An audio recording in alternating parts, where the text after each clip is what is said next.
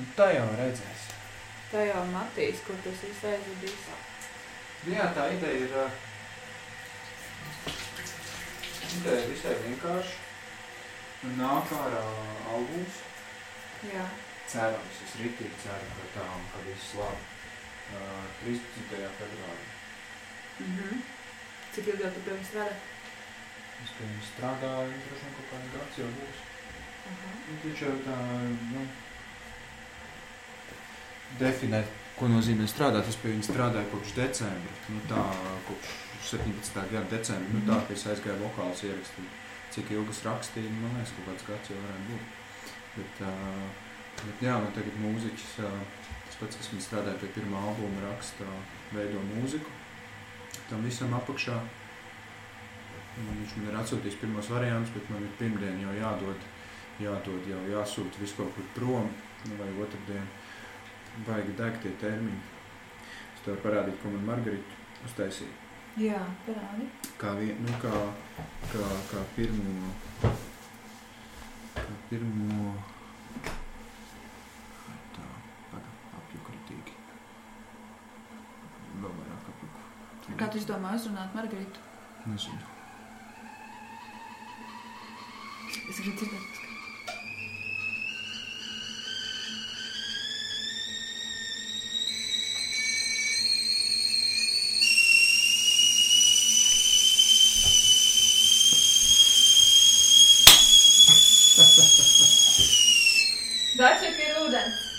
Dzied mīlestība.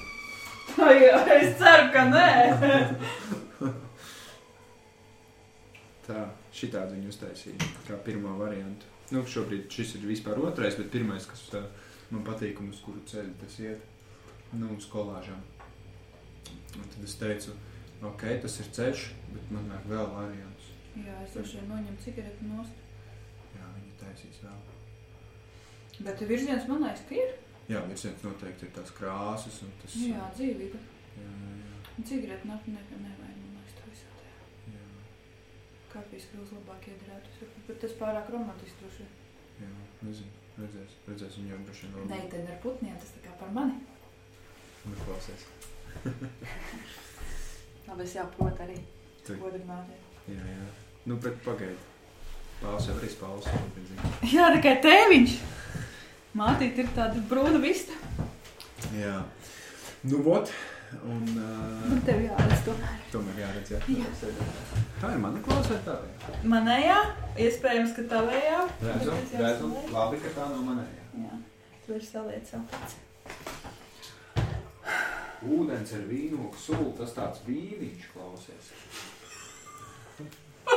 Mēs par mīlestību Nekautrējies. Tas ir mikrofons. es nezināju, ka to tā sauc. Mhm. Par gabalu nepateiks. Taču ne. Vai zem sēgas palika? Tu arī esi tajā vilnītī, baltumī. Mīlestība. Jā. Jā, mēs te tā tirgojamies. ieslēdzu. Šis ir ošiņš, viņš ir mūsu mājas laimdote. Nāšu. Agrāk viņš bija lielāks laimdots, tagad viņš te ielējās. Viņš samācījās no bendika, ka drīkst arī neļausies mīļoties. Varbūt viņam vienkārši viņš nedrīkst tā kā būt vājš. Nē, viņam, man liekas, nav iedots našķīts, tad viņš tēlo, ka viņam ir depresija. Tikko kā viņš dzird koncertu, viņš sprākšķi tā, viņš uzreiz ir viss pāri galdam, viņam viss nav vairs depresija. Un mamīte tagad našķīt, un tev ir depresija. Jā, dežūrē pie ledus skapja, nu kāds ar Redzīgi labos končus. Tas nekas, ja tev, nu labi, palaidu neļā. Bet man tev vajadzēs vienu bildu uztaisīt. Tikai lūdzu skaistu. Labi, jā. Es, tu, man ir photoshops, tu zini. Man vajadzēs, bet pēc Māk tam... arī ar Photoshop strādā. Jā. Jā, jā, jā. Es tad nebūtu vilcis, tas būtu, tas, tas tā kā, nu... Nav praktiski. Es būtu baigais hipokrāts. Man ir photoshops strādāts. Jums visiem vajadzētu mācīt strādāt. A, tu vari kaut ko uztaisīt? Nu, tā nē, bet man ir... Ja tev vajag, es varu iedot. Tā. Kas tik mums visa nav? Es, es pasūtīju savā jaunajā datorā ilustrātoru, kur es nemāju neko darīt. tikai notraisu. Tu pasūtīji? No, tā kā muzejā? Nē, kur muzejā. Vēl kā. Dura, sela tāda. Kas darbiņu nerunā, par darbiņu runā. Skaidrībā. Nu, ot. Tā, es atnesu ciet. Kā šī ciet. Paliksim divatā.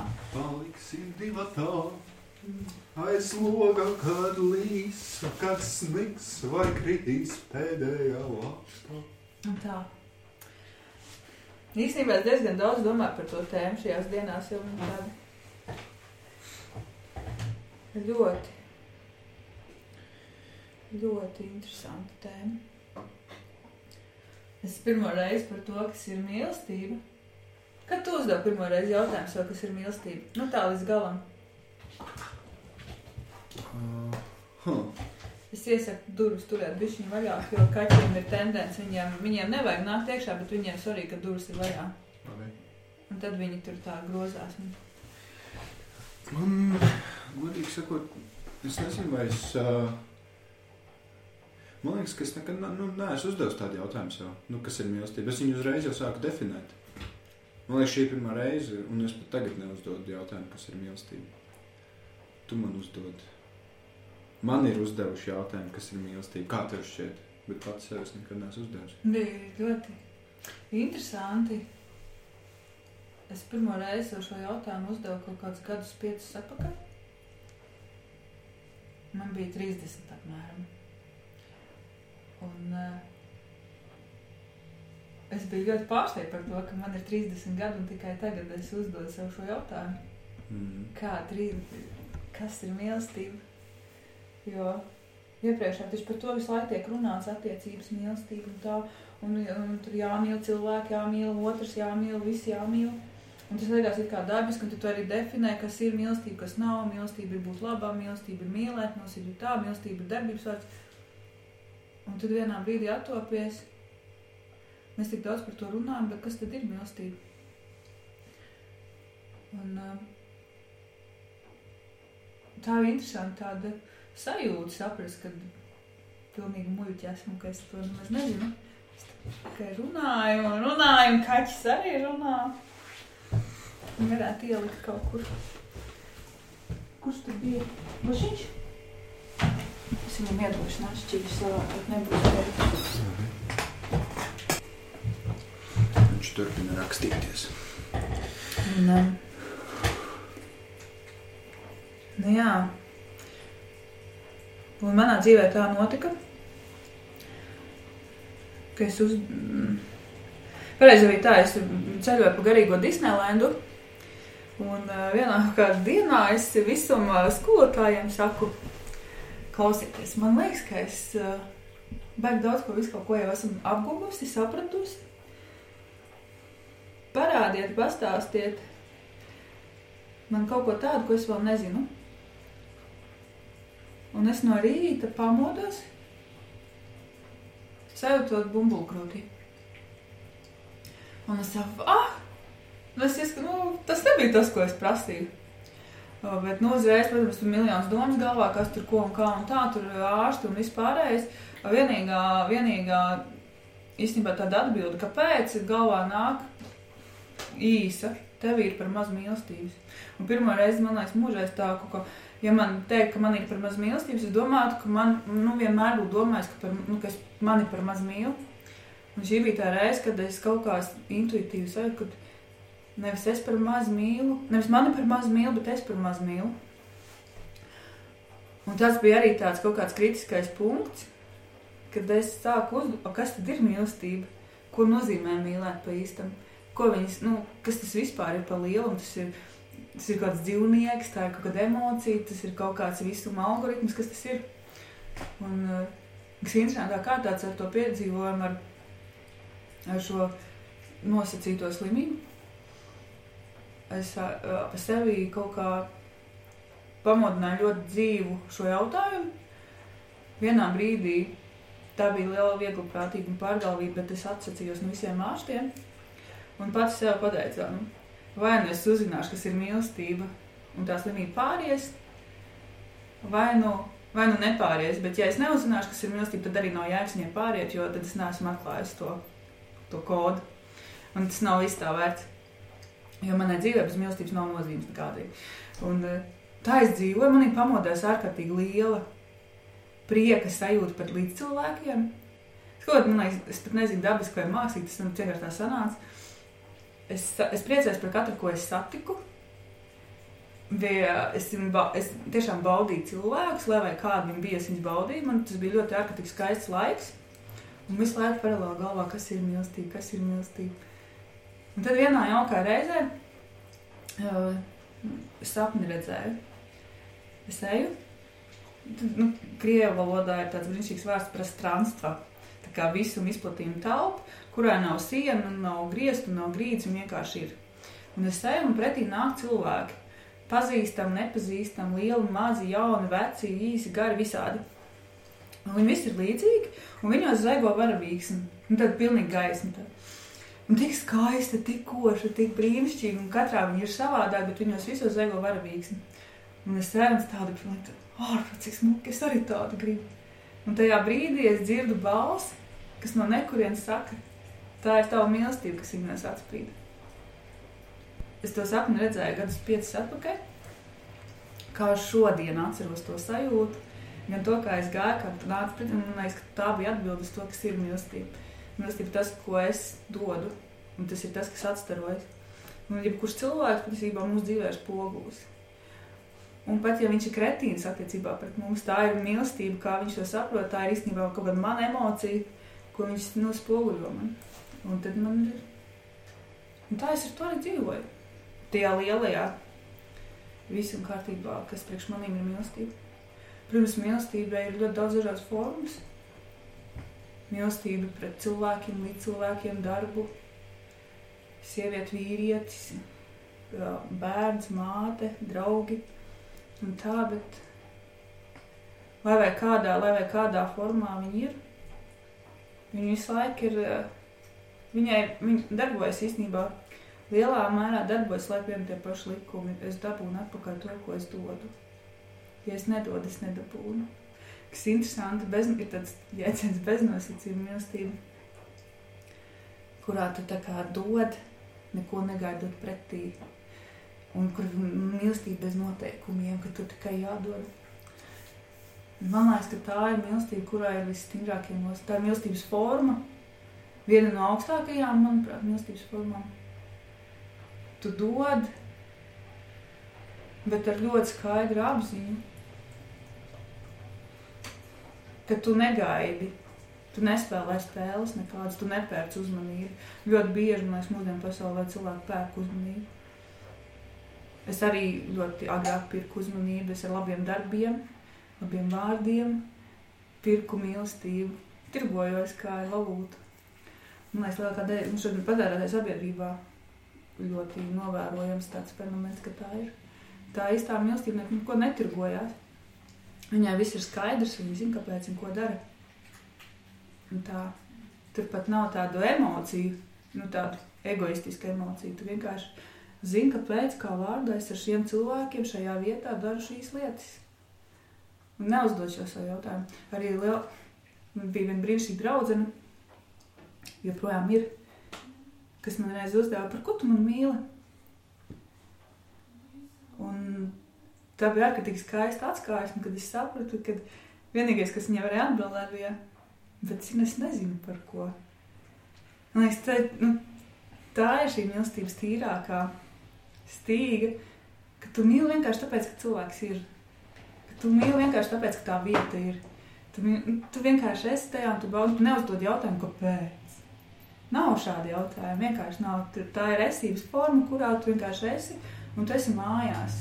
Dod, ko nevajag, tu nemeklē atbildi. Bet es aizdomājos, ka tu mīli to cilvēku. Vienkārši tev nāk ārā. Tu... Nu, jā, tas cilvēks, kurš tevīm kļūst par mājām, viņš ir, viņš ir kā svētnīca. Vispār tā vide, ko, ko tā vide, ko viena no teorijām, nu, arī atnāca kaut kāds gads atpakaļ, ne tie, bet tāda sajūta iekšējā. Mēs neiemīlamies cilvēku, mēs neiemīlamies cilvēkos, bet mēs iemīlamies sajūtās, kas rodās esot blakus šiem cilvēkiem. Mhm. Un man liekas, ka tādā veidā, nu, kad esmu es ar savu pasauli un savu pasaules centru, es to ar savu pasauli un savu tavu pasaules centru. Un tad ir tas, tas mistiskais lielums, kas veidojas tad, kad mēs satiekamies. Man liekas, tā mīlestība ir tas, ko mūsu abu, mūsu abu pasaules veido to trešo. Tas ir tajā dievišķajā pasaulē, arī ir, tur viss ir trīsvienībās. Un kad šī, nu, es pat nezinu, egregors vai, vai tā emocija, nu, viss tas, kas veidojas, ar to tas skaistais, ka tas ir tas, nu, tas trešais lielums, ko mēs veidojam, un tā ir tā mīlestība. Un ka viņi ir atkarīgi no tā, kā es pret viņu izturēšos un kā tu pret viņu, kā mēs abi izturēsimies. Un vai nu mēs viņu spēsim izauklēt kā skaistu ziedu vai nē. Ja mēs attālināsimies, tad viņš ir izzudījis. Ja par ciešu būsim, mēs viņu saspiedīsim. Un tad ir tas divi, kā divas neatkarīgas pasaules spēja izveidot to savu kopīgo. Un tā, jo, manuprāt, ja, ja, ja to ja mīlestība neauklē, tad, tad vienā brīdī vienkārši cilvēki kļūst vai nu par līdzatkarīgajiem, vai nu par neatkarīgajiem. Tur nav tā. Bet arī šajā gadījumā, man liekas, ir vēl to pavada nu, tā pateicība laikam par to, kas ir otrs. Mīlestība ir arī pateicība, manuprāt. Un vispār liekas, ka pateicība ir vienīgā pasaules atpestīšanas atslēga. Nu, tā. Un mīlestība ir, man liekas, ļoti cieši saistīta ar pateicību. Par to, kas ar mani notiek, par cilvēkiem, kas ar mani notiek. Un gan liekas, arī interesanti. Uh, es nekad to, nu, šo, nekad to nesaprotu, bet es vienmēr tā, kā tā var būt. Uz pasaules ir 7 miljardi iedzīvotāji. Mēs savas dzīves, mēs krāpējamies ar kaut kādiem dažiem visu savu dzīvi. Mhm. Jo īpaši sieviešu vīriešu notikšanā, cik mums ir, pat ja tie ir 20 sievietes vai 20 vīrieši, ar kuriem mēs notiekam, tas ir tikai 20 uz visu 7 miljardu fonu. Un tie pārējie vispār ir tikai fons, kas fonē, un mēs par lielāko daļu vispār nezinām, ka viņi eksistē. Bet mūsu dzīve notiek tikai ar dažiem. Un tur ir šīs emociju katarsis un notikšanas. Un tas, ko sauc par mīlestību tajā visā gaumā pilnajā. Tā. Vakar bija Es arī ar draugu runāju par to, ka um, arī atslēgas meklējot, kas tad vēl mīlestībai piesaistītie jēdzieni un, un, un kas vispār. Un es saprotu, ka tā ir drošības sajūta arī vēl. Drošības sajūta, ko mūsos manī rada otrs cilvēks. Un izrādās tā nemaz nav baigta biežā sajūta, ko cilvēks cilvēkam var dot. Man liekas, ka bez mīlestības tā īsti arī viņa nemaz nav.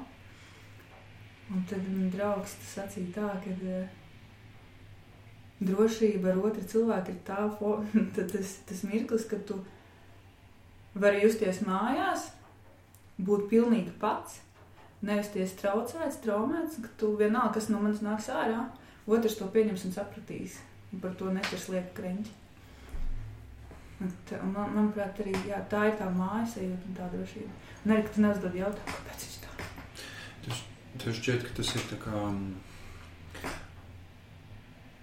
Ka to, ka to dara pati mīlestība, vai, vai, vai tas nav tāds racionāli? Nu, ka tu saproti, ka nu, jā, nu, katrs taču ir kāds ir. Šķiet, ka tam pamatā ir mīlestība. Tas Jo tas, jo tas ir tā loģiski, nu, ka, hei, re, kur mums katram vajag laiku ar sevi, mums katram ir kaut kādas lietas darāmas, un, un katram, un pat ja mums ir kopdzīve, mums tomēr ir arī kaut kāda sava dzīve, iekšējā kaut vai.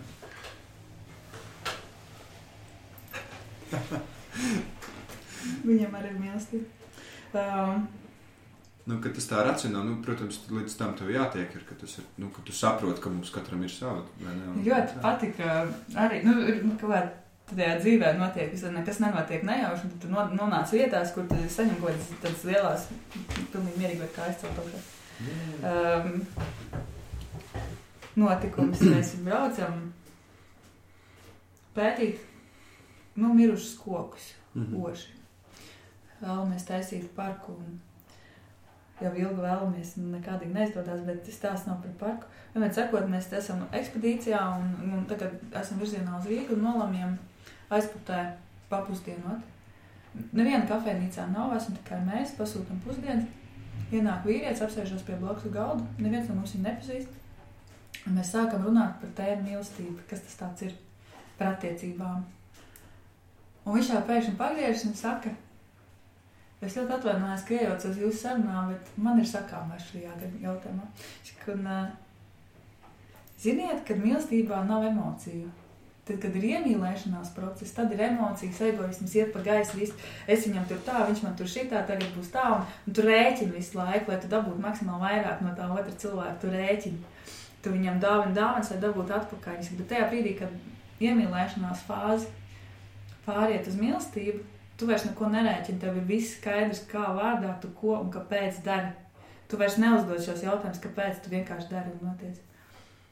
Es par to ilgi domāju, un bija, nu, Es nekad nebiju dzirdējis šādu versiju mīlestībai. Kas ir interesanti, nek, ne, nu jau ir pagājuši divi ar pus, trīs gadi. Es neesmu spējis apgāzt šos vārdus sevī. Tā ir taisnība.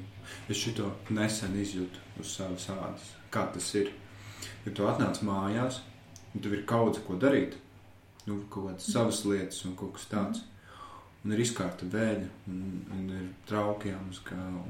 Ko tu tajā brīdī negribi to darīt? Nu, kaut, kam, kaut kas iekšā saka, tā tev ir jāsēžās pie datora, vai tev jāsēžās pie kaut kā, vai ne? Tev ir jādara savas tās lietas, un ne?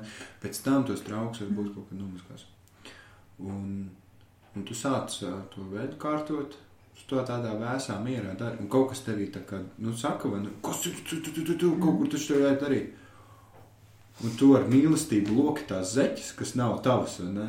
Un loki to krēklu, kā nu tu māki, vai ne? Bet jebkurā gadījumā ar, ar, ar mīlestību. Un tev nav jautājumu tajā brīdī. Lai, lai viņi pati atnāk mājās un izdara, ne šito nolāpīts, vai man savas lietas jādara. Ir tāds, nu, viņi atnāks mājās, viņi būs nogurusi, visticamāk. Es jau būšu izdarījis visu, es paspēšu savas lietas izdarīt, nu, un es aiziešu gulēt divas stundas vēlāk.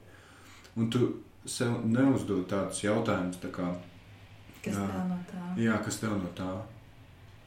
Un, un ir tā drošības sajūta, nu, ka tas, tas nav tāds dots pret dotu, bet tev jebkurā gadījumā ir tā drošības sajūta, ka arī tas otrs cilvēks nu, dara tieši tāpat. Un tev nav tāds, nu, kad tu man izdarīsi šitā. Kad man ir, tagad es izdarīju tev šitā, un kad tu man, un tev mm. nav. Mm. Un tas ir tik ir tik viegli. Un es nekad neesmu juties nu, tādu sajūtu, nekad līdz šim nebija noķēris, ka var būt arī viegli. Mm. Ka tu neuzdod tādus jautājumus. Yeah. Un, un ka tev ir, ka tu principā zini, nu, nu tagad no, no, no šīs situācijas, kāda ir, tu spriežot, ka nu, es gribu darīt kaut kādas savas lietas, vai ne? Man ir kaut kādas idejas, kuras es gribu realizēt un tā. Un, uh, mums ir paveicies, ka mums tagad tā sadzīve ir tāda, kāda viņa ir, ka mēs varam nu, būt tādi brīvāki, tie putni kaut kādās savās idejās un realizācijās. Bet, ja nu gadījumā būtu kaut kāds krahs, vai ne, nu, ja nu vajadzētu iet strādāt uz to pīci lulu, vai ne, vai iet strādāt dejep kur, kas nav tas, ko tev vajag un ko tu gribi darīt, bet, ja vajadzētu, tu bez ierunām saprast, ka tev ir jāiet. Mm. Un tā zobu sakošana nemaz nebūtu, jo tu zini, kā un kāpēc tu to dari. Kam? Pēc, un kur tas ved. Un, un, un, un tu zini, ka nu, jebkurā gadījumā būs labāk. Tad drošības sajūta, kas otrs arī tieši tāpat jūtas un domā. Un es nekad nebiju iedomājies, ka mīlestība var būt tāda. Jā, tur nav egoisma, nav emocijas. Mm. Tur vienkārši tev skaidrs zini, tas apskaidros tajā brīdī. Jā, tas ir tik burvīgi. Un vienkārši dabiski gribas rūpēties par otru. Mm -hmm. nu, bez nosacījuma bērni ļoti iemāca. Tā ka tu vienkārši, nu, labi, tur ir kaut kādā brīdī ir izdzīvošanas jautājums, nu, pašsaglabāšanās jautājums, bet mm. uh, bērni un dzīvnieki vispār, viņi tev nejautā, nu, viņi nekad nejautā par ko. Viņi vienkārši ir, nu, vienkārši mīl, atnāk un samīļo. Un... Nav egoisms iestrādājis. Jā, viņiem Ego nav, viņiem nav tās. Um, tā atmiņa ilgā uz aizvainojumiem, aizmirst pēkšņi nosaukumu šim jēdzienam. Ilga, aizmirst laikam nav svarīgi. Cilvēki ilgi apvainojās, tur ilgi ļaunprāt. Ļaunatminīgi. Jā, viņi nav ļaunatminīgi. Es kā aizmirsu vārdu. Un Tā. Tas ir, jā, bērni baigi iemācīt to. Nu, man liekas, ar, ar, ar pieaugušajiem. Nu, tur tā ir tā pateicība, man liekas, nu, kad vispār nu, idejas, kas vairs cilvēks attiec. Mm. Ar viņu ir tas strāvojums. Un tu nevari pastāstīt, no kurienes viņš nāk, uz kurien viņš iet, kas viņš īstenībā ir. Tu vienkārši ir ieradies. Un tad, jā, kaut kādu laiku tu tur citiem ātrāk, citiem lēnāk, kaut kādu laiku tu ņemies ar sevi. Bet vienā brīdī tev viss nu, top tīrs kaut kā. Un vairs nav grūti arī. Un pat vairs neuzdod jautājumu, kāpēc es jūtos tā vai šitā. Vai... Un tev vēl, nu jā, pieņemt otru. Es Īstenībā, man liekas, pat vairāk nevis pieņemt otru, bet pieņemt sevi situācijā ar otru. Man liekas, tur arī baigā štela ir. Mēs tā baigi gribam, lai tas otrs kaut ko tur dara, mainās. Ja viņš man izdarīs tā, tad man tur būs šitā. Īstenībā jau vienā brīdī noķer, kad kaitina manas reakcijas uz cilvēkiem. Nevis tas, kā cilvēki dara, bet tas, kā es nu, reflektēju ar viņiem. Mm -hmm. Bet arī būtībā šajās dienās ir tāda par gaismu. Milst, nu, manā, manā pasaulē mīlestība ir arī tāda nu, gaisma. Gaismas ceļš, gaismas skola, gaismas mācība, vienkārši gaisma. Un uh, būtībā šajās dienās es noķēru, ka gaisma, kad īstā gaisma, jau īstā mīlestība, tāda, nu, tā savā pilnvērtīgākajā tajā būtībā ir, ka tu esi pilnais spektrs. Tu esi no tumsas līdz gaismai, ka tu esi no, no abas polaritātes. Un ka tu apzinājies, ka tu esi abas polaritātes, un ka tu zini, ka ir tādi spēki, kas tevī mm, zemē, centrā, un ir spēks tev ceļ augšā, un ka viņām divi ir vitāli vajadzīgi, un ka patiesībā tumsa ir arī daļa no gaismas. Un, uh, Un te, nu, tas, es to domāju, tādā cilvēka pasaulē pieņemt sevi pilnajā tajā būtībā. Tad, kad mēs sev pieņemam, tikai tad tā līdz galam var noķert mīlestību, nu, to pilnesinīgo. Tad tu jūties par sevi droši un tu jūties par otru droši. Tu arī viņu tajā brīdī, kad mēs sev pieņemam, mēs pieņemam otru ar visām viņa bailēm, viņa dugām. Mhm. Mm -hmm. un, un tikai tad var kaut kas tur sākt. Un ir arī interesanti, kad satiec otru cilvēku, un tu pēkšņi kļūsti labāks. Un tu nezini, kāpēc. Un, te, un, un iet gadi, un tu kļūsti labāks. Tas ir ārkārtīgi. Ļoti skaisti. Tā ir mīlestības forma, man liekas, augstākajā pilotāžā, ko es līdz galam nenoķeru. Nu, manā gadījumā tas ir viens draugs, ar kuru mēs satiekamies reizi trijos mēnešos apmēram. Un ar viņu tādu nu, zemes līniju, tāds stāsts kā starp vīrieti sievieti, kas ar diviem nekad mums nav bijis. Bet, eh, bet bet viņš ir tāda dvēsele, un, ja nebūtu viņš, es nezinātu, kas ir beznosacījuma mīlestība. Jo ar bērniem tas ir, nu, viņš bērni iemācās, parāda, pastāsta, bet tu to dari savādāk. Tā ir daļa no manis, un tur vispār viss savādāk notiek. Bet tad ir cilvēks, kurš ir kā nosacīts svešais ieradies tavā dzīvē, manā dzīvē. Un, eh, un kā es satieku, tā uzlādēja baterijas. Un tas ir ap, apusēji. Un neko vairāk nevajag. Vienkārši satiec, uzpild baterijas un dodies tālāk. Kas ir interesanti, pēc viņa neilgojies arī tās trīs mēnešus. Vienkārši vienā brīdī ja satiekamies, satiekamies. Un atkal baterija. Abiem ir pilnīgi sinhroni kaut kāda emocionālā pasaule, bijusi kaut kāda pārdzīvojuma, kaut kāda piedzīvojuma, kaut kādas atklāsmes, kaut kāda ceļa kopīgi. Nu, katram pašam savā virzienā, ne virzienā, bet paralēlā. Un, jā, un tā ir arī tāda, man liekas, ārkārtīgi, ārkārtīgi skaista mīlestības forma.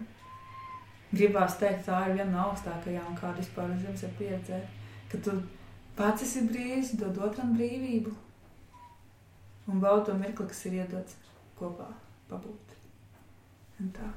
Es tikko šajās dienās apgūvu vārdu kontrapunkts. Tu zini, kas ir kontrapunkts? Mm. Kaut kas pretējs. Nē. Kontrapunkts ir tāds, ka mēs gan esam tādu nodrošinājuši salīdzinoši klusu telpu, ja neskaitošanu. Tu dzirdi, kā ārā brauc mašīna, Mm -hmm. tu dzirdi, kā locis pakšķis palodas, Mm -hmm. tu dzirdi, kā kaķis iet un ieņādās. Mēs runājam. Un tas viss notiek vienlaicīgi, un šīs vienlaicīgi daudzbalsība ir šī kontrapunkcija. Vienlaicības Nu, ir ok. kontrapunkts. Nu, tā kā nu, daudzbalsība vienlaikus. Mm. -hmm. Es nezināju tādu vārdu, man viņš ļoti. Tas, mm, tas tad neatiec uh, tikai uz skaņu. Ne? Tas noteikti neatiec tikai uz skaņu, bet no skaņā tas droši vien visvairāk ir tā iezīmējās, ka šis dažādie ritmi, skaņu intensitātes mm. veido to kopīgu no simfoniju, kas ir it kā neatkarīgi viena no puses, bet viņas tā nepat laikā ir vienotas. Tā.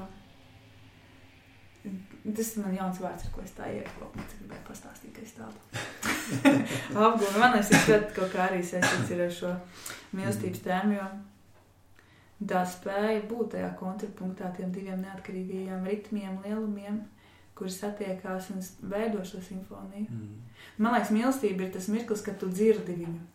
Nevis vienkārši notiec savā ritmā, un otrs notiek, vai vēl kāds piektais notiek. Bet kad tu saproti, ka mēs notiekam ritmu tajā simfonijā, Mm -hmm. un ka patīk tā simfonija, un ka tu zini, ka viņa ir vajadzīga. Tā kā. Jā, ir um, ņemot vērā, ka skaņa ir visuztveramākais piemērs reizēm, kad ir tas kontrapunkts, ir baigi to kaut ko izslēdz ārā, to es taisu logu ciet, jo kaut kas nešķimē. Mm. Līdzīgi ir arī tur, nu, nav, nav. Jā. Bet iedomājieties, visa pasaule ir tāda. Jā, jā, jā. Tas ir ievērojis pilsētu. Kā pilsēta skan, kad tu izslēdz no atdalītās skaņas. Kā tu to domā? Kā pilsēta zūm. Pēc jūras izklausās. Tad, kad tu... Ah, Ka tu ne, nenošķiri mašīnas skaņa vai, vai, vai, vai putnu. Jā, sapratu. Tu vienkārši sēdi. Nu, līdzīgi, ka tu, nezinu, tu esi tā darījis, kad. Iet gan, nu, sēdi, kl- cilvēki iet garām. Mm -hmm. Un tu pēkšņi izslēdz valodas, valodas izpratni. Vienkārši uztver skaņu, Mhm. kā cilvēki kad runājās. Kļūst tik melodiski, ka tu neko, neko nesaproti, ko viņi runā. Tu vienkārši dzirdi skaņas. Un, tas tā, un pilsēta skan pēc jūras, kad izslēdz to analīzi, kas tā ir par skaņu. Ārkārtīgi skaisti. Es nākot mājās no darbiem, noeju pie Vanča tilta, kur ir tā pludmale. slavenā. Mhm. Patiesībā tā šobrīd ir mana mīļākā vieta. Forši ošiņš, tas ir lielisks. Viņš tā nekad nedara. Vai ko viņš grauž? Lampiņas, ne? Viņam uzmanību vajag. Skaidrs, ka vajag uzmanību manam kačukiņam. Nāc pasēdopiņā. Es tev papažināšu. Um, Jā. Tu man drīkst uzdot, es jau te tagad baigi gudrējos. man, es es uh, pēdējā laikā domāju par uh, to, ko Imants teica, un ko mēs saštampājam uz krekliem. Par to, ka mīlestība divreiz nenāk. Man liekas, ka viņam ļoti liela taisnība ir. Jo, nu, liekas, mīlestība, labi, mēs tajā, tajā mūsu ikdienas izpratnē to bieži vien norikstam, tā, nu, divu cilvēku mīlestību. Bet lielā mērā tu saproti mīlestības būtību, Mm -hmm. nu, ko, to, kas viņa ir pēc būtības, to, ko mēs jau tā arī runājām. Tad eh, tāds sīkais. Nu, kā kāds ir atnācis un Jā, jā, viņam jāpazīmējas. Jā. Bet uh, turpinot imantēm, manuprāt, jā, ka viņam ir taisnība. Jo tad, kad cilvēks sāk apjaust mīlestības būtību šūnu līmenī, ne tikai zināt teoriju, teorijā mēs īstenībā visiem, man liekas, esam izcilnieki, bet tajā šūnu līmenī izprast mīlestības būtību, tad uh, tu vienkārši nu, vairs nevari dzīvot citādāk. Un, un tu vienkārši esi tajā mīlestības vilnī, un tu viņā esi. Un viņa tiešām ir viena, nevar viņu pazaudēt. Tu vari viņu tikai atgūt, nu, uh, pilnveidot. Uh, bet, uh, nu, man liekas, ka mēs šitā runājam. Jā, man ir brīnišķīgs sufijas skolotājs Zareja par um, dzīvību. Cik mums šķērē ir tām un pasaules uztveru. Mēs uztveram pasauli tā, ka es vēlga, tu jenots, mēs dzīvojam dzīvi. Bet būtībā jau ir tā, ka dzīve dzīvo mūsu, viņa caur mums, mani vēlga, tevi jenot, pieredz sevi. Un tajā brīdī, kad izdodas samainīt to skatu punktu, sajust sevī to dzīvību, nu, to, kas man liek atvērt acis, to, kas man dod spēku pakustināt roku, kad tu ar kaut ko padomā, domas grib pakustināt mazo pirkstiņu, un viņš kustās. Mm -hmm. Man liekas, ir liela augstprātība domāt, ka es to provocēju. Bet, kad nu, ķeru to mirkli, kad tā dzīvība caur mani notiek, es varu kaut kā, es varu runāt, es varu skatīties, es varu darīt. Pilnīgi cita pasaule atverās, ka tu saproti, ka tu esi daļa no kaut kā liela. Un ka patiesībā tas, kas mani kustina, un tas, kas tevi kustina, ir viens un tas pats. Tas ir tik sirreāli skaisti. Un ka viņš vienkārši tas viens, tas viens mums neredzamais, sevi pieredz caur mums abiem. Mm -hmm. Un kā viņš miedarbojās, kā konfrontējās, kā radās, kā rodas arī šīs, eh, nu, starp tiem pašiem diviem, kā radās šī miedarbība, ka viņas abas īstenībā kustina viens un tas pats. Tas ir tik tā wow. Un ka visus tos cilvēkus kustina viens un tas pats. Pat tos, kurus mēs nezinām, mēs esam kā kaķis palvas kaut kādā ziņā. Mm -hmm. Kaķis ir vienkārši pieredzes palvas, viņam pofīgi Mm -hmm. atrada vietiņu. Mm -hmm. Tev te labi, ja klēpī. Tie. Jā, Viņš ir ļoti mīļš, viņam patīk, ka viņa ņurkā. Es par to imantu sacīto domāju kopš vasaras, jo, lai kā nebūtu, nu, es, es tagad varbūt tikko iedomājos, kā citādi var interpretēt to, ko viņš teica, bet uh, es laikam interpretēju tā vis, vis, vis, vis, vis. Apgāziņu uz muguras viņam patīk, ka un Viņš Es uh, nekādi nespēju aizmirst uh, pirmo mīlestību. Nevis aizmirst, nu, tas loģiski nevar aizmirst, bet uh, tur kaut kas ir. Un to es nevaru nekādi izskaidrot. Tas nav racionāli. Arī sirds tā kā ļoti labi apzinās, nu, viss. Tur nebūs nekad, nekas, nekur, nekā, nekādā. Kāpēc jāizmirst? Nav jāizmirst. Vienkārši es nevienu citu tā neatceros. Kā es atceros pirmo, un kā es Jā. jūtu pirmo. Un, un kas man, ka, kas man ir tajā, nu, kāpēc es par to domāju, tas ir interesanti. Jo tad, kad man ir bijis eh, nu, kāda cita mīlestība, tad es to tā neesmu domājis. Un, tagad nu, tā pie, piefiksējas, ka es, tā, ka es tā jūtu. Un tas nav, ne, man nav vispār ne- nevienai, ne otrai pusē nav nekāda nodoma, nav pat, nu, varbūt ir bijuši, bet, nu, jau lai sen jau kā vairs nav, bet vienalga ir kaut kāda tā sajūta, nu, ka, ka kaut kas tur ir, un ka to nevar, uh, tu gribēdams nevar aizmirst. Nav tā, ka es cenšos, vienkārši es pieķēru sev pie tādas atmiņas, kaut kādas jūtu atmiņas, un es tās jūtas nekādu nespēju apraksturot, jo, nu, es viņas varētu pirms pieciem gadiem, ne? Jo nu, tur es viņās biju, bet tagad ar šiem vārdiem, kas man ir šobrīd, es nekādu nespēju noraksturot to, kas tas ir. Un, un, un, un, un, un, un man neskāpēc šķiet, un varbūt tā ir iedoma, man liekas, ka otrā pusē ir tāpat. Bet nav jau no tā jāats. Nu, tas, man liekas, tas ir ārkārtīgi skaisti. Jo vienmēr tu esi jauns. Ja pirmā mīlestība tā ir jaunība. Visbiežāk. Un tā patiesībā nemaz nav nekāda expectācija vai saprāšana. Tu vienkārši tu dodies nezināmajā, Mm. absolūti pilnīgi atvērts, tīrs. Un mauc, tu vispār nerēķini ne savus, ne otra cilvēka resursus. Tu vienkārši mauc. Nezinu, ko dari nemaz. Jā, līdz galam nezinu, ko dara.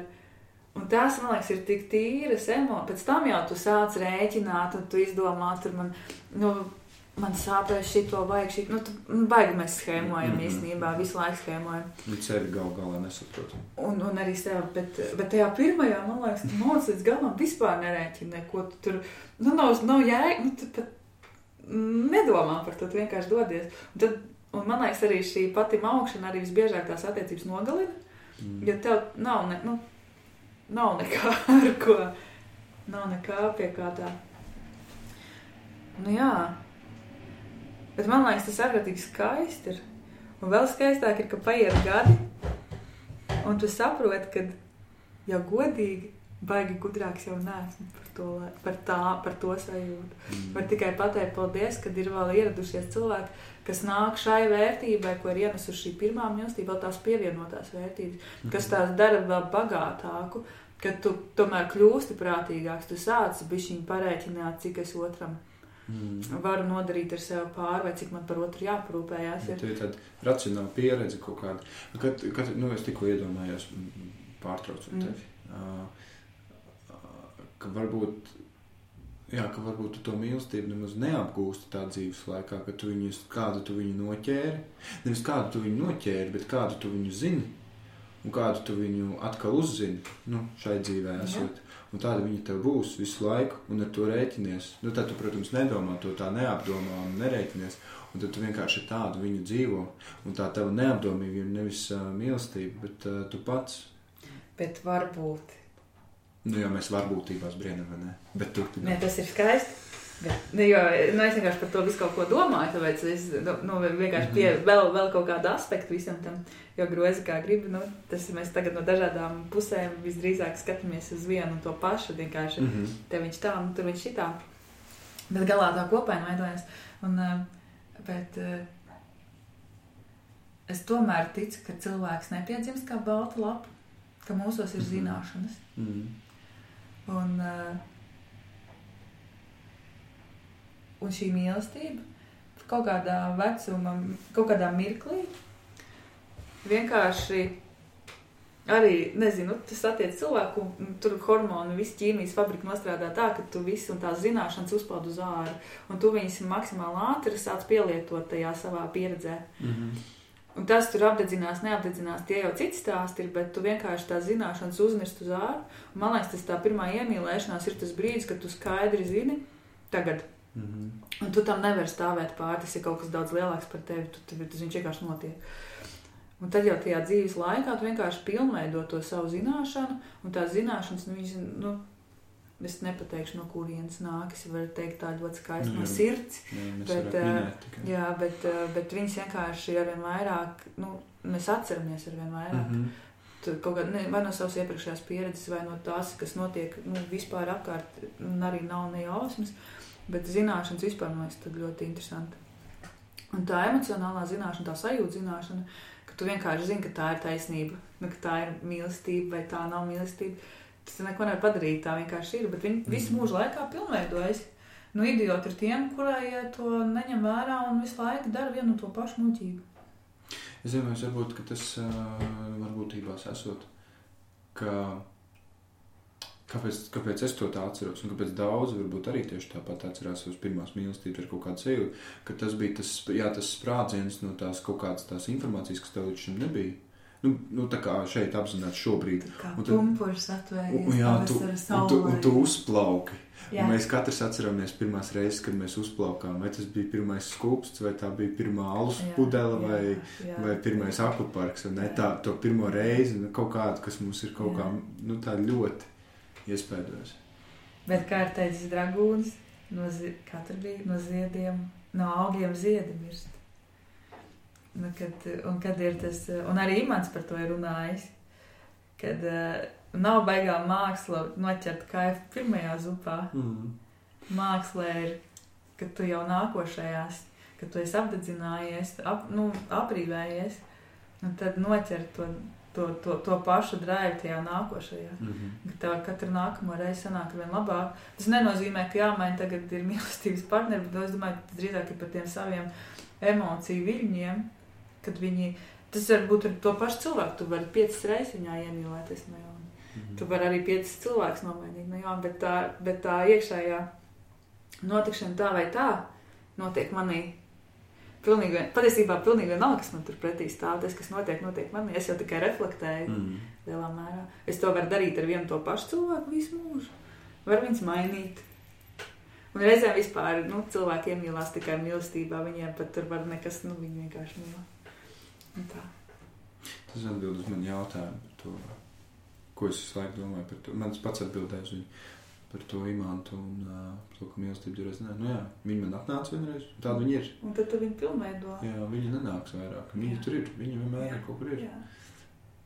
Tā ir tā pirmā reize, kad viņa atnāca. Imants vispār ļoti apbrīnojams cilvēks. Jo, nu, viņa līdzīgi kā mīlestība diezgan sarežģīta apgāst.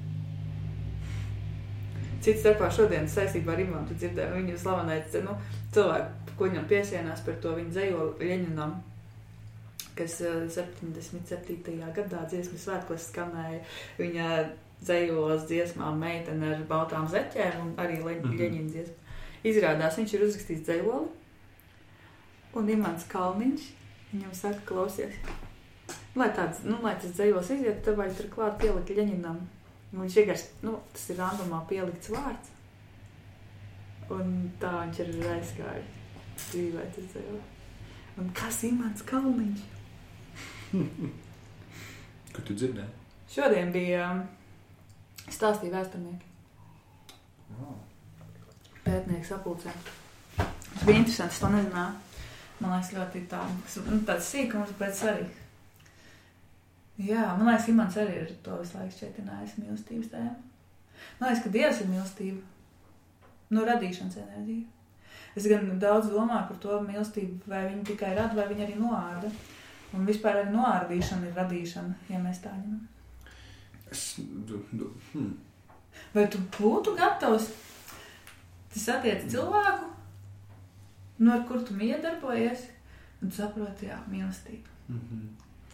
Bet vienā brīdī tu saproti, lai tu varētu būt ar viņu kopā. Vai pareizāk tajā esībā kopā ar viņu.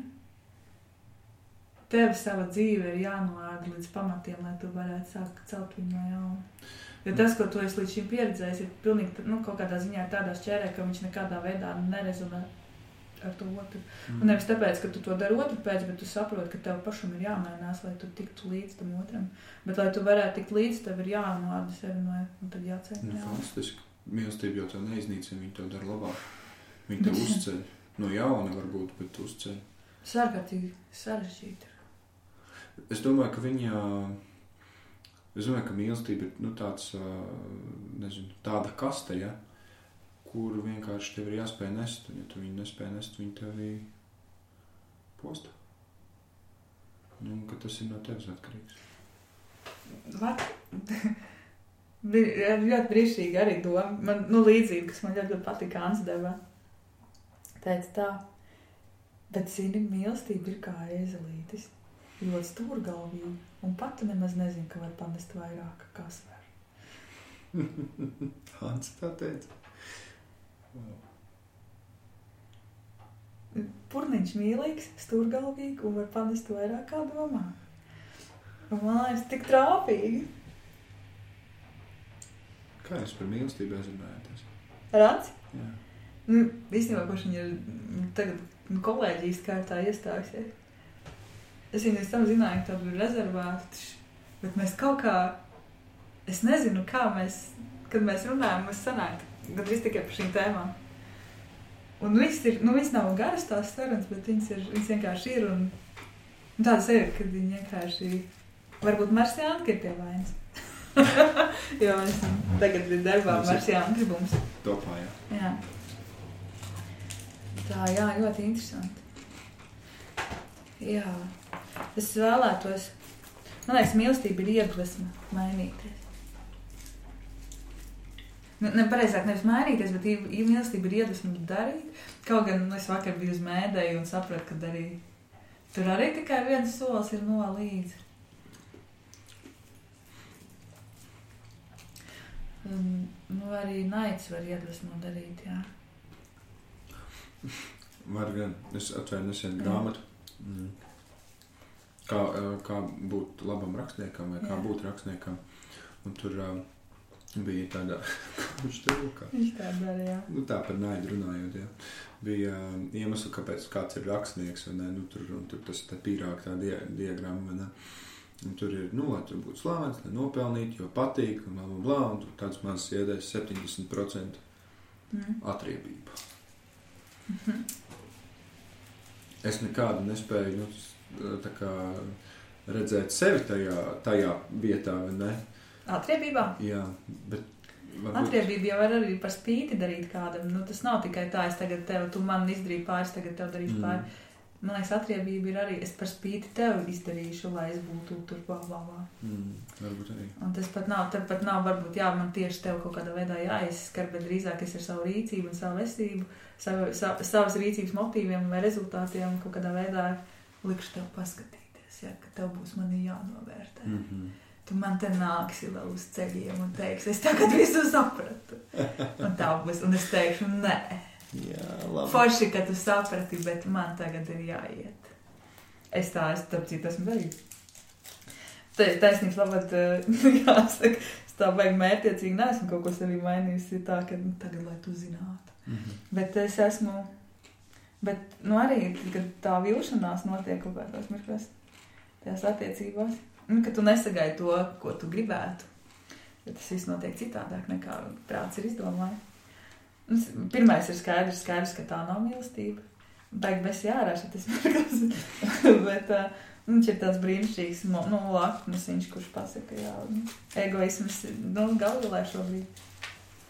Bet, uh, un pēc tam tās dusmas, gribās tā Latvijas tie bļaļi nahuji to visu. Un tā. Es gan jāsaka, es savilšanās mīlestībā, nu, tādā zemes mīlestībā esmu arī dabas uh, mūķens gaitās, nu, ka nav, tad nevajag, un tad es tur, tur vai klīrējos pat ar sevi, pēc tam, protams, trīsreiz mirstu. Un tā, un, un tad, protams, bija arī posms, kad uh, jāmīl viss cilvēks un lieta kā seksualitāte, nu, sievišķības augstākā vispār būšana kaut kādā ziņā tiek iestumta skapī un to nevajag. Mm -hmm. Un pēc tam brīnījās, ka nevar savākt savu dzīvi. Un tā, bet uh, tas viss tāds kaut kādam nokam. Bet ir arī bijis, es pat nezinu, vai tā ir mīlestība, varbūt tā ir kaislība. Bet tas man liekas, viens tāds ārkārtīgi skaisti. Ka tu dzīvojies savā nodabā, esi laimīgs, tev neko nevajag, mīli visu pasauli. Un, un, un, un tu vari aiz- aiziet, nu, gulēt ar domām, cik skaists saulrietis vai, vai cik brīnišķīgi padarīts darbiņš, un tev neviens tur ne, nu, pa domām nestaigā. Un tā ir ārkārtīgi brīva sajūta īstenībā. Un tad tu redzēji, nu, tur pāri laukam aiziet tāds, nu, muskulmens, maskulīns, šortīsi. Ne, fū, ā, nē, šitam es, nu, klāt neiešu, labāk nevajag tālāk nogrāt. Mm -hmm. Un tad nepaiet ne desmit minūtes, kad viņš stāv tev blakus un saka, tev būs kārts šūpu tīklu. Un tu vairs neko nevari padarīt, nevari padomāt, nevari neko. Tu vienkārši māji ar galvu un aha. Tā man bija brīnišķīga pieredze tāda, nu, ka vīrietis vienkārši ieradās un ar savu enerģiju, nu, paņēma mani č- neko, viņš pat neko īsti nedarīja, viņš vienkārši bija. Un Tā, šito stāstu gan nevajag laist tajā. Bet tas bija, jā, ka viņš pusgadu nodzīvoja mežā ar viņu pēc tam. Bet tas bija viens no skaistākajiem mīlestības stāstiem. Nu, tāds, uh, mēs tagad arī randiņš jūras krastā, mēs jūras krastā meklējām māju, apmaldījāmies, to māju neatradām, galā atradām, bet mēs jau tur bijām pārguvuši, aizmigām.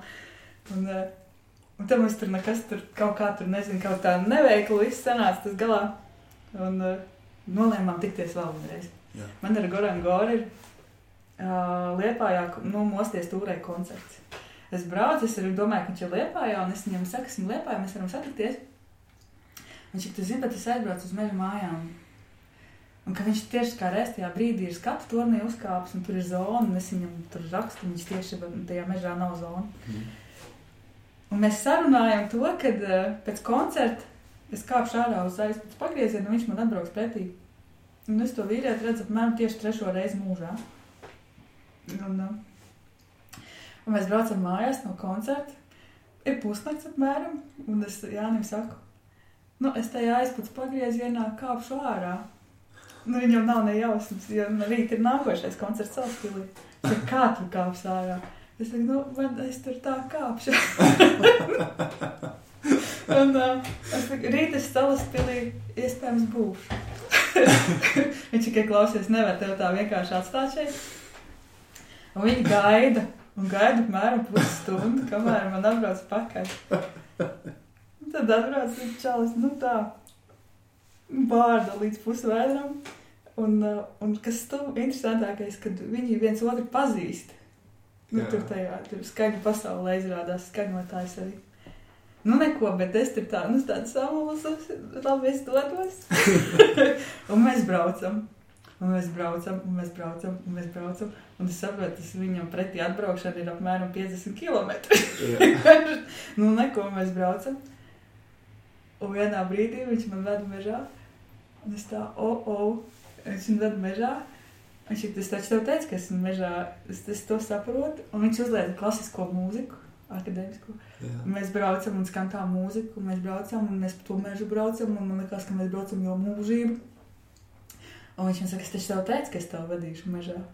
Un, okay, un, un tagad un pēkšņi viņš apstājas vienā vietā meža vidū. Es tā, oh, oh. Un tā ir interesanti. Man skan tā mūzika, un es paskatos ārā logu zvaigznes. Un tur tālāk ir mājiņa, maziņa. Meža ieloks un mājiņa. Un skatos uz to māju, tai mājai viena siena ir stiklā. Tā kā manā sapņu mājā, kādas domājas, kādai jābūt manai sapņu mājai. Un tad mēs paklausījāmies to mūziku, un mēs gājām mājās. Viņš, kur viņš man iedeva savas mammas adītās zeķes, ielēja sākumā abos sulu, pēc tam paštaisīt alu vai vīnu, nezinu, kaut kas Mhm. tur, man tas tajā brīdī bija vienādi, kur runāja krāsni. Es dzēru to vīnu, uz galda mētājās Rīgas laiks.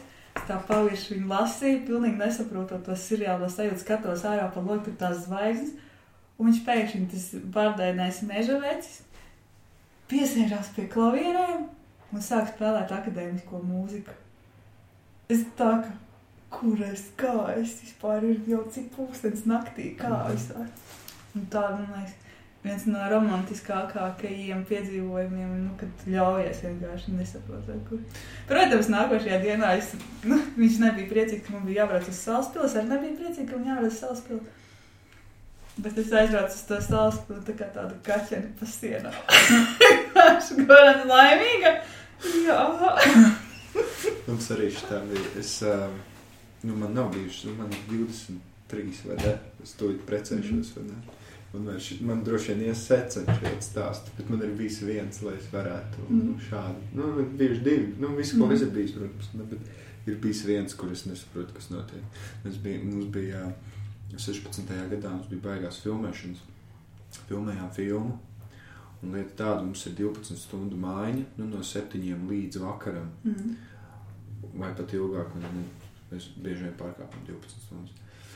Un man pēc tam 12 stundām jābrauc uz Rīgu, un ar turam skutelim un tvērumiem ir koncerts, mm. un man viņš ir jāfilmē.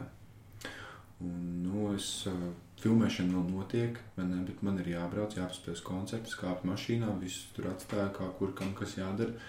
Iekāpjam mašīnā, pats nokrāvies, nogurs no rīta cēlies, braucam uz Rīgu. Un nākamajā dienā Mhm. ir vēl viena 12 stundu mājiņas filmēšana. Es esmu aizbraucis uz Rīgu, koncerts, un koncerts beidzās kaut kādos pūkstens desmit zundas dārzā. Izejām ārā. Nu, ir jābrauc, vai ne? Mēs tur trīs džeki esam atbraukuši. Jā, mašīnā jābrauc. Kaut ko vēl runājam, kāds no viņiem laikam pīpēja, un mēs tāpēc mēs stāvējām. Pienāk klāt divas meitenes. Un es to vienu, nu, tā kā esmu redzējis kaut kur. Nestātos priekšā, kur, bet es viņu zinu. Un viņš pienāk klāts, un viņš ir, nu, viņam ir kāsītas satīts, un ne, viņš prasa, vai ir uguns. Un, nu, nav divu domu, vai ne? Un viņš sāk ar mums runāt. Uh, pēc tam es sapratu, ka tā meitene ir, nu, mēs tur kaut kur internetā esam kaut ko mazliet čatojuši, kaut kas tāds, bet tas nav pat būtiski. Svarīgi, tā otra meitene, kas viņai bija klāta. Un mēs sākam čatot, un, tā, un tās, un tā, un tā, un tās meitenes tad, klau, nu, jūs kur pēc tam braucat vārds par vārdam, saprotam, kur jābrauc. Viņš prasa, viņas nevar aizvest. Nu, labi, nu, aizvedīsim uz centru. Mēs iekāpjam visu mašīnā, viņas ir sapīpējušās. Man liekas, es, es noteikti nepīpēju, bet man liekas, vai tikai Mm. Ilmārs nepīpēja. Un sākās sarunas. Un tā meitene runā pilnīgi kosmosu. viss, ko viņi saka, ir kaut kāds pilnīgs vērprāts, un es viņu nekādu nespēju uztvert nopietni. Es domāju, nu, kā cilvēks apīpējās, nu, tagad viņš var runāt par te kosmiskajām lietām, es viņu nekādu nespēju uztvert nopietni, un es malcu viņai pretī pilnā nopietnībā. Un viss, ko es saku, tas gan viss viests.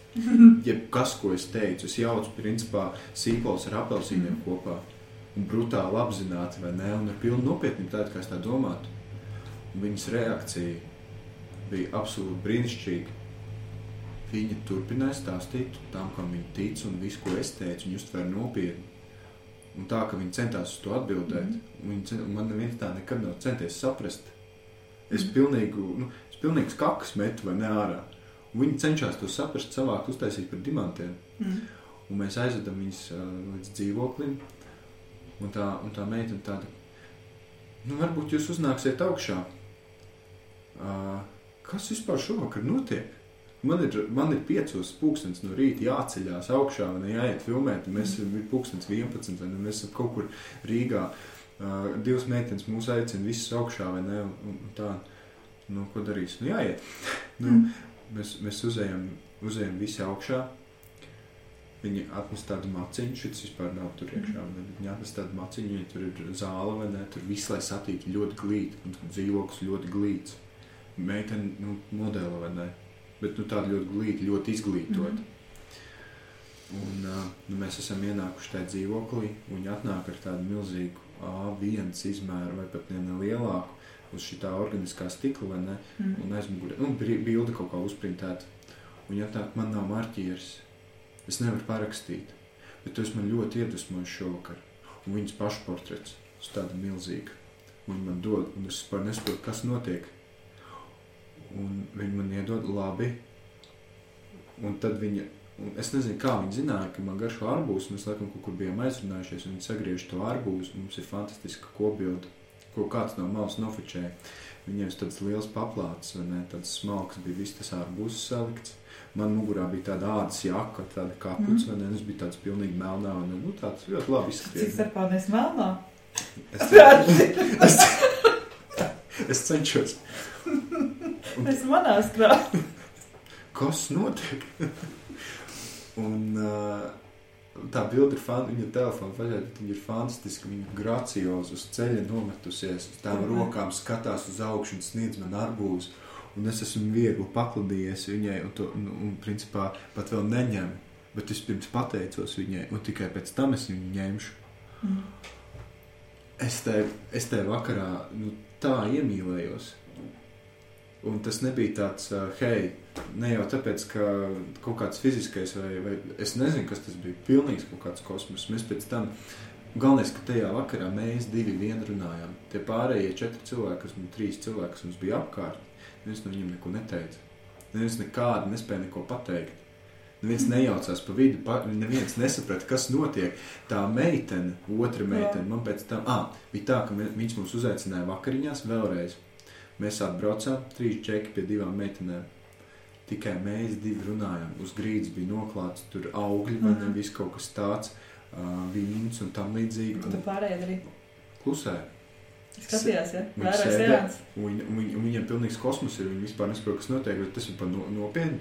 Un tad, kad es sapratu, ka tas, nu, ka viņa skaidrā runā par šitām lietām, es sapratu, ka viņi to domā nopietni, viņi tam visam tic, un man bija tik interesanti. Mm. man tā ir tik interesanti sarunas ar reto, ko, ko ir bijušas. Un, un, vien, un, viņa, un viņa cenšas tev kaut ko pastāstīt, un tu viņai, un jūs viens otram atsaucaties. Un, un, uh, un beigās bija tā, ka viņa, nu, viņa beigās kosmosā, viņa tajā ballē aizmiga. Un, uh, nu, tā ir pasēdēšanā. Un tā otra meitene, kas arī tur bija, viņa man pēc tam rakstīja un atvainojās, vai es ļoti atvainojos par visu to kosmosu, kas tur notika. Man, kas notika? Es jūtos fantastiski. Es nebiju tā, es tā jūtos, nebija tas, varbūt bija tāds traks laiks, es tik labi jūtos, nebija sen ar kādu, vai ne? Un, nu, kā pēc tam izrādījās, viņa liela mākslinieca. Viņai ir vīrs. Viņa dzīvo, viņai Maljorkā ir māja. Viņa braukā nu, pa pasaulī, snowboardo un vispār ir brīvs, gars mākslinieks, dejotāji, ekstrēmais sports, gleznotāji, fotogrāfi, ļoti izglītota kultūrā, visādās lietās. Un tas nav tāds, nu, zin, tāds skuķis, kurš kaut ko ir palasījis. Ne, tas ir cilvēks, kas to dzīvo. Un, un, tā, un kad es ar to cilvēku saskāru, viņš ir brīvs tajā visā. Mm. Un, un, un tas arī cik interesanti, ka viņi stāsta par to savu vīru, ne, kurš nav tāds brīvs, mīlestības garš, ne, kurš ir tāds racionāls cilvēks. Un es saprotu, ka, ka viņiem tā mīlestība ir tāda pilnīgi, nu, pilnīgi, pilnīgi nu, cita, vai ne, citu iemeslu varbūt vadīta. Bet uh, cik, uh, jā, tas, tas bija tāds ļoti skaists. Uh, Man ir bijis notikums, kurā tas gan nebija tik skaisti, bet tas tomēr bija skaisti. Varētu sakot, bija vidusskolā uz mūsu skolas disenēm lečķījos nāca puisis. Un viņš kā wow, nu tā, ka līdz galam wow. Tad es paaugos līdz kaut kādam trešajam, ceturtajam kursam. Un viņš atnāk, un mēs tur ir pasākums, un viņš atkal atnāk. Un kaut kā tā sanāca, ka mēs esam vienā tādā notikšanā, nu, kompānijā. Un viņš kaut ko sacēries, es arī kaut ko, un mēs pilnīgi kosmos un pilnīgi tuvu tur runājām. Bet mums tajā brīdī, nu, tajā vakarā bija, nu, pilnīgi simbioze. Mēs viens otru sapratām, mums nevienu citu nevajadzēja. Mēs visu to vakarā arī kaut, nu, līdzīgā manierē kaut ko tur arī noņēmāmies. Un galā viņš palika kopā ar savu draugu, pie manis jau mans draugs mājās. Un uh, es pirmo reizi no alkohola vēmu, viņš man turēja matus. Un, uh, tas bija ārkārtīgi liels piedzīvojums. Pār... Es pat tajā brīdī, kad tas notika, pat nejūtos slikti. Un uh, tas bija tā, un no rīta ierodās mājās mamma. Un saprot, ka nu, meiteņa istabā ir divi čaļi, galds ir salauzts. un, kaut kur krustur mētājās, bet nekas it kā nenotika. Mēs vienkārši tur balējām. Un, uh, un, man tas- un, bet, un, uh, un tad viņi pieciek tos es, Kas tu tāds esi? Nu, Jūrnieks un tu skolotājs no sevis. Tad tagad jūs būsiet galvenieki un liek viņiem salabot galvas. Un ja puiši arī aizdodas. Un arī tas, tas mans, ko es tur tā bija tā savā sirdī auklējis, ja to, ka es viņu kaut kur redzēju tur un tad man tur tā. Tas bija, nu, nevis neglītais pīlēns, bet tas bija ņemīgi ģimka skolā. Nu, es biju visādos pasākumos, bet man nekad īsti neatcerējās. Un tad tāds notikums, ka viņš man pievērsa uzmanību vēl, vēl, vēl. Un aizmirs arī maiku man savējo pie manis. Es to meklēju, kad laiku turēju, tad galā māju muļķīgi un tā es atdevu draugiem, lai viņi tad nogādā viņam atpakaļ.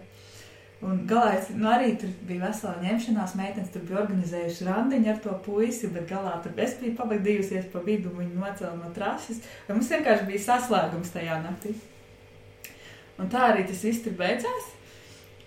Es tur kaut kādu laiku padzīvoju tādā ēterī, nu, nu kā tā kā. Un paiet četri gadi. Es strādāju Roķenē, Liepājā. Un kaut ko tur ņemos, ņemos. Un man jau pirmā lielā mīlestība aiz muguras, un viss ir slikti, un es tur strādāju. Un tur viņš sēž. Tā vienkārši. Un lai es sēžu arī, nu tas tā baigi nerauj, bet nu, es viņu četrus gadus nebiju redzējis.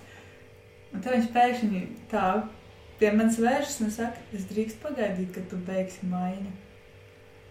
Es viņu rītīgi, nu, protams, ka es viņu atceros. Un, tā, un mēs sākām draudzēties arī. Un tikai nedaudz vēlāk es uzzināju, ka viņš mani bija tagad jau atkārtot saticis.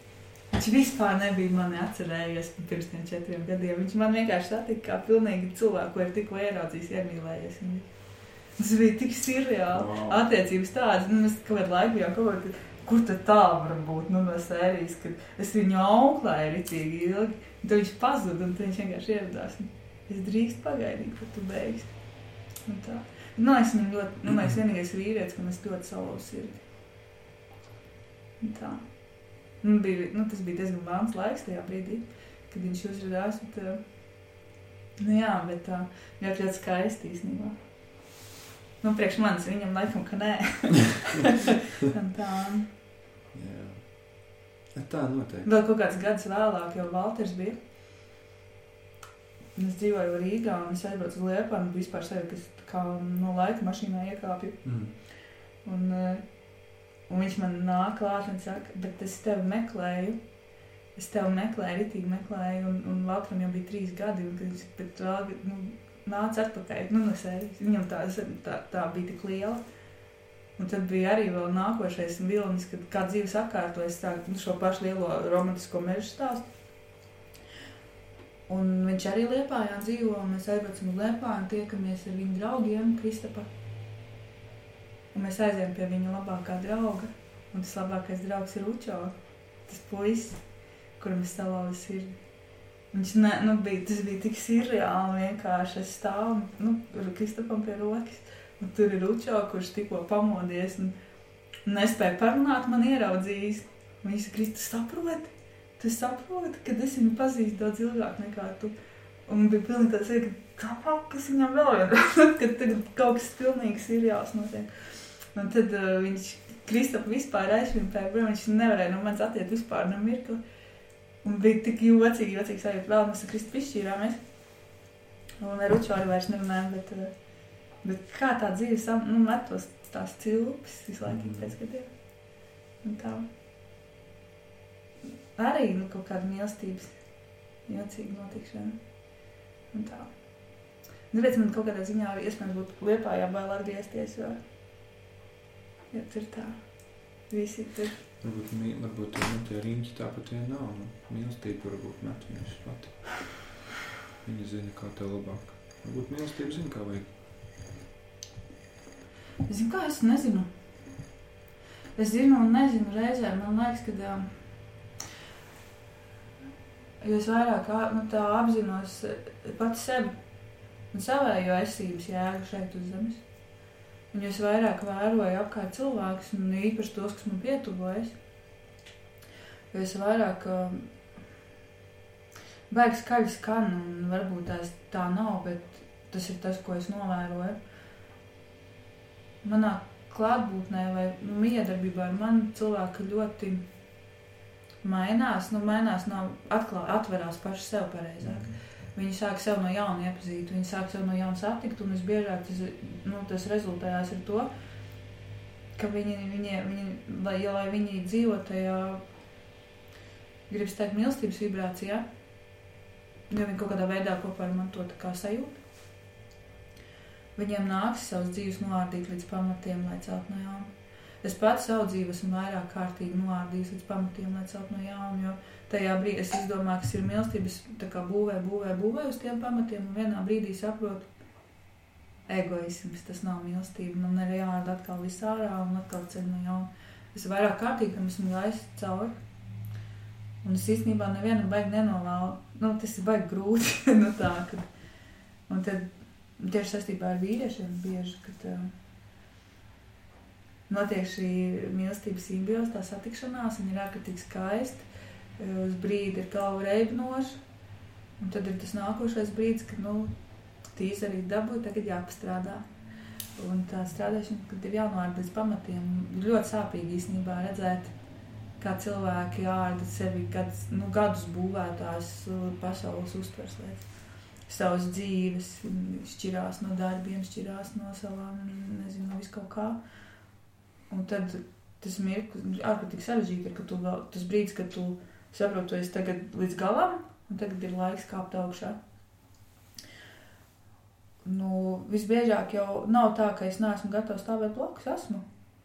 Bet visbiežāk viņi saprot, ka tas spiediens ir tik liels, ka viņi nevēlas nemaz atsacīties no tās savas iepriekšējās dzīves. Man arī nav nekādu uzstādījumu, kad ir jāatsakās. Vienkārši kaut kā galvā domas sāk nākt citas, tu domā citādākās kategorijās. Tu vienkārši, varbūt diezgan daudz esmu saņēmusi no sērijas tādas tekstus, kā tu esi pārāk laba priekš manis.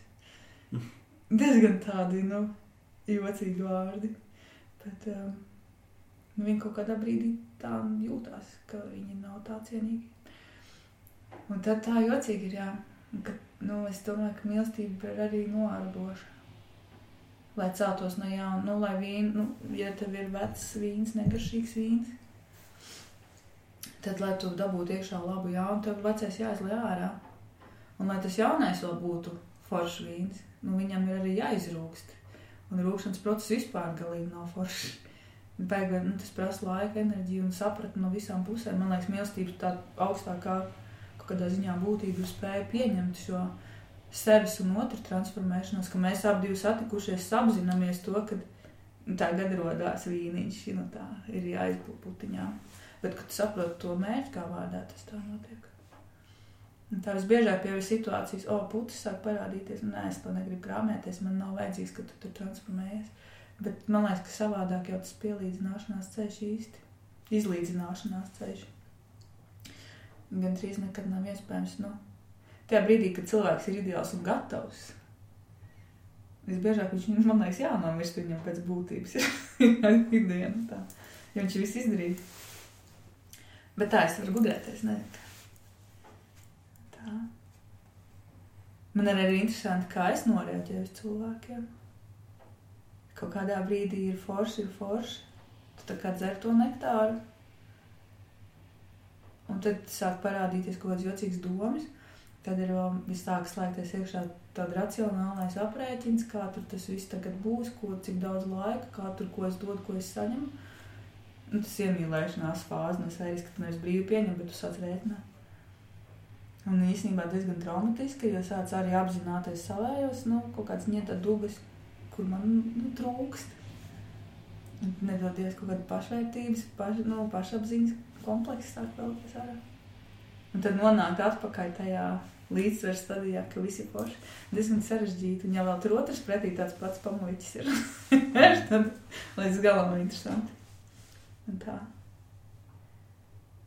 Man liekas, ka jā, mīlestības skolā tieši man, manā dzīvē, tieši attiecības ar vīriešiem ir kaut kādā ziņā tās, kurās man atklāja manas nepilnības.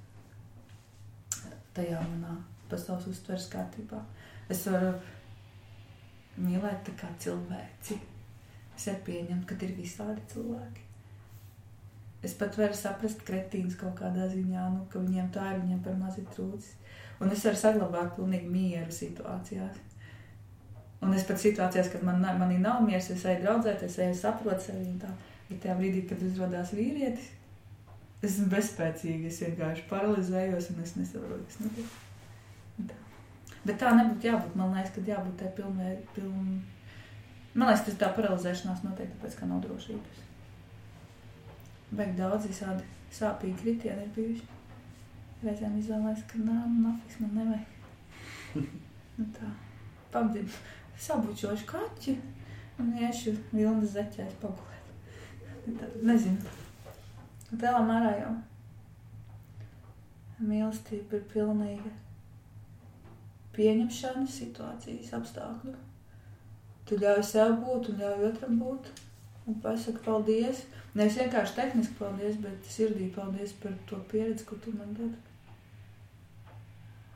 Un pieredzi, ko es spēt, ko es sev dodu, piedzīvot, vispār pieredzēt, ka tā arī var.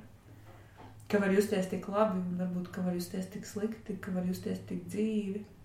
Mēs bieži vien nemaz tās sliktās emocijas tā nenovērtējam, bet īstenībā viņas ir tik dzīves, viņas ir īstas.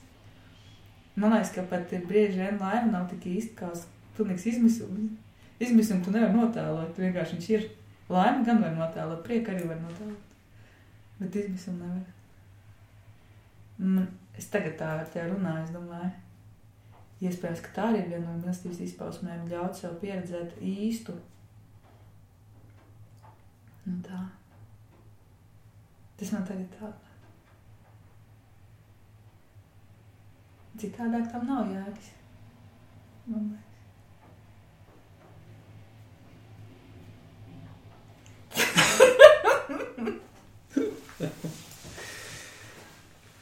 Skaisti. Kaķis arī atrada sevi. Kaķis atrada sevi. Dīdījās, dīdījās. Ošīgs ir brīnišķīgs. Viņš tāds liels bērns. Viņa atrada jūras krastā. Mor. Paldies. Tas bija labi. Tie ir pēdējie divi teikumi.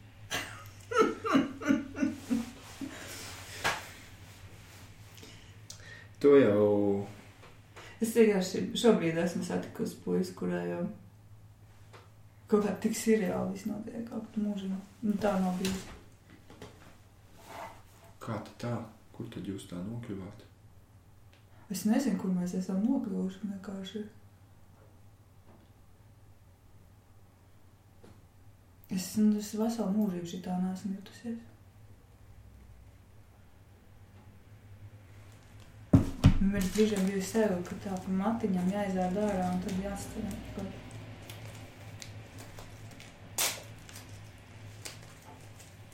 Bet ir forši.